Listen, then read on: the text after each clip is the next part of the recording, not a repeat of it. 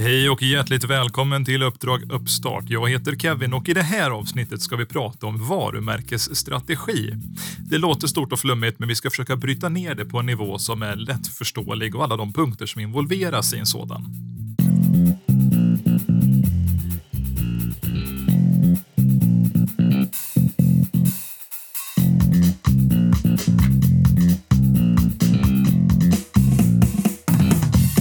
Ja, vad är en varumärkesstrategi för någonting egentligen? Skulle man svara direkt på frågan så skulle de flesta svara att det är en mall. Det är ett verktyg som vi använder för att veta hur vi ska jobba med vårt varumärke för att etablera den i sociala kanaler, hur vi jobbar med våra associationer, igenkänningsfaktorer och dylikt. Lite likt en matris så hjälper varumärkesstrategin oss att veta hur vi jobbar med associationer, målgrupper, kanaler, ståndpunkter och igenkänningsfaktor när vi väl har någonting ute på marknaden. Det är också en fråga om ekonomi, resurser, fördelning utav tid och dylikt. På sätt och vis har jag ju besvarat frågan redan här. Varumärkesstrategin, ja, det är ett planeringsverktyg som vi både kort och långsiktigt jobbar med för att bygga upp och stärka vårt varumärke på marknaden. Men så kommer ju frågan, vad det egentligen består utav. För stora ord i all ära, ska vi jobba med någonting så behöver vi jobba konkret. Och det är här vi ska ta och kasta oss ut på de faktiska punkterna som står i varumärkesstrategin. Jag kommer dock endast att kunna redogöra för varumärkesstrategins stora helhet. Och om du nu undrar varför jag inte kan bryta ner varumärkesstrategin på djupet så är det så här att vi kommer att komma ner precis till den nivån att vi börjar på prata om de saker som du själv kommer att få lov att implementera. Jag kan till exempel inte säga till dig här och nu att så här jobbar du med din igenkänningsfaktor. Så här jobbar du med dina associationer. Dessa attribut är nämligen värden som du eller ni tillsammans med företagsledningar och dylikt etablerar just specifikt för det varumärket som ni jobbar med. Och för att sätta igång så ska vi titta på det som kallas för ståndpunkter, målsättningar och ändamål. För utan att ha de här så vet ni väldigt sällan vart ni ska ta vägen med er varumärkesstrategi. När man pratar om mål, då är det lite så här att du sitter kanske just nu och filar på en idé. Vad vill du att den här idén ska leda till i slutändan? Alltså vad är destinationen för idén? Var ska ni hamna för någonstans? När du vet det, så vet du säkerligen också att vägen dit absolut inte är en rak sträcka. Men man behöver ändå lägga upp en rak bana för sig själv från början. En bana som kommer att ta olika former och svängar och kurvor längs vägen. Men som initialt behöver vara riktad i en specifik riktning för att du ska kunna sätta igång och börja jobba dig ditåt. För så länge du vet var destinationen ligger så kan du jobba dig till den punkten. Och Den här ståndpunkten, de ändamålen, det är en del som är väldigt generell men också viktig i din varumärkesstrategi. Etablerar du den så vet du hur du bygger ut resten. Om du var här och lyssnade på förra episoden så vet du om att vi pratar om idéskapande då. Då nämnde jag bland annat samarbetspartners. De utgör också en central del i din varumärkesstrategi, för hela idégrunden är det som du bygger strategin på toppen utav. Vet du vilka initiala förutsättningar du har så vet du också vilka steg du kan ta härnäst i din riktning mot målen. Och så börjar man sin varumärkesstrategi, sin varumärkesresa kan man säga.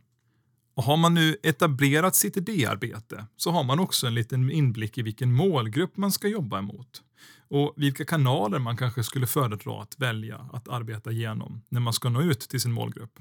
Vi pratar exempelvis om sociala medier, Facebook, Instagram, Youtube, de tre stora jättarna. Sen har det även dykt upp andra som till exempel det här videodelningsprogrammet TikTok som har varit väldigt använt och populärt i tonårsgenerationen nu en tid och kanske börjar på bli relevant för även den äldre marknaden.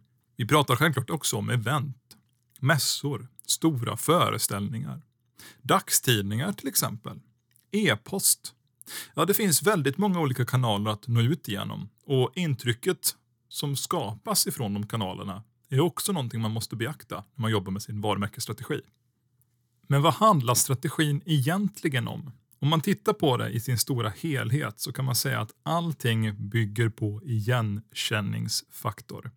Alltså, vad är det folk associerar varumärket med när de ser det? Och när jag säger folk då syftar jag på kunder, andra arbetstagare, företag, finansiärer, alla potentiella involverade parter i dig och din marknadsföring. Och igenkänningsfaktorn, det är både de associationerna som bildas utav att folk tänker på ert varumärke, men också det som bildas när folk ser någonting som skulle kunna associeras med ett varumärke. Vid till exempel McDonalds. Om någon slänger upp en hamburgare på en bild hur många tror inte ni associerar hamburgaren initialt någonstans i bakhuvudet med Max, Burger King, McDonalds eller något annat gott hak de har varit ute på innan de tänker tanken på att laga maten själv? Det är en effekt utav god marknadsstrategi. Du lyssnar på Jag vet inte om du är bekant med Pavlos hundar, men principen som där bygger på exakt det som används i marknadsföring. Vi jobbar alltså med associationer. Associationer som blir så förstärkta och så fördjupade att vi automatiskt triggar något som skulle kunna ses som autonoma instinkter och reflexer. I exemplet med Pavlos hundar så lät man associera ljudet av en ringklocka med att hundarna skulle få mat. Efter en tid blev det instinktivt så att hundarna visade på fysiska fenomen såsom ökad salivproduktion och andra naturliga förekommelser av att höra klockans ringljud utan att det fanns mat eller någonting i närheten. För att de visste nu, eller ja, om inte annat så förväntar de sig att ringsignalen innebar mat. Vi har så skapat en triggerassociation. De stora företagen jobbar stenhårt med den här typen av marknadsföringskampanjer där vi successivt under en lång tid ska vänja in oss vid att associera ett sammanhang med deras varumärke. På så vis skulle man kunna påstå att tv-soffan är egentligen människans absolut största fiende. För där om någonstans så ser vi ofrivilligt mycket reklam. Samtidigt som vi får se annat som vi vill se och det är därför vi sitter där på fredag lördagskvällen med en stor påse chips och någon läsk och några kompisar, eller husdjur, eller någon familj och tacos kanske. För tv-soffan har blivit en samlingspunkt i familjen. Och det är också därför det är så fruktansvärt dyrt idag att marknadsföra i tv. Jag kan inte personligen säga om det kommer att gå uppåt eller neråt. Allt jag vet är att det är väldigt effektivt. Och för att nämna ett av alla online-alternativ så är ju Youtube ett fantastiskt exempel där du i princip alltid utsätts för åtminstone fem sekunder reklam varenda klipp du tittar på. Kombinera nu det här med att du har målgruppsriktad reklam. Alltså på grund av att du söker vissa saker på nätet så är du mer sannolik att stöta på vissa former av reklam. Algoritmerna som etablerats har formaterats så att du ska utsättas för saker och associera dina behov med det som erbjuds i marknadsföringen som du utsätts för. Dessa kanaler är både användbara och fruktansvärt riskabla. För saken är att du kan mycket väl riskera att hamna i en associationspunkt du inte vill. En sådan situation kan uppstå när idén som man har som marknadsförare kolliderar med formatet som personen, mottagaren, den potentiellt blivande kunden utsätts för. Om Lars, 52 år gammal, intresserad av historia, sitter och kollar på en dokumentär om digerdöden. Och jag tror inte att det krävs en superhjärna för att lista ut att det just nu skulle kunna dyka upp potentiellt många olika former av reklamklipp som förstör hela sinnesstämningen som Lars har byggt upp genom att kolla på det här Discovery-avsnittet. Det kallas för abruptiv marknadsföring by the way. Vi lever i en värld där det uppenbarligen är lika bra att visa någonting snyggt och effektivt som det är att göra någonting som är chockande och stör och irriterar folk. För det skapar också marknadsvärde, skapar uppmärksamhet. Och uppmärksamhet, det är någonting man vill ha runt sitt varumärke. Sen ska man vara väldigt försiktig med vilken uppmärksamhet det man drar till sig. Och det är därför vi jobbar med en varumärkesstrategi.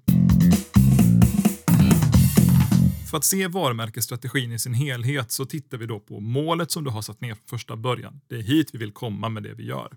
Vad vill vi bli för någonting? Och där kan du också ha etablerat uttryck som till exempel igenkänning, associationer, vilka målgrupper du vill ska vara dina primära kunder.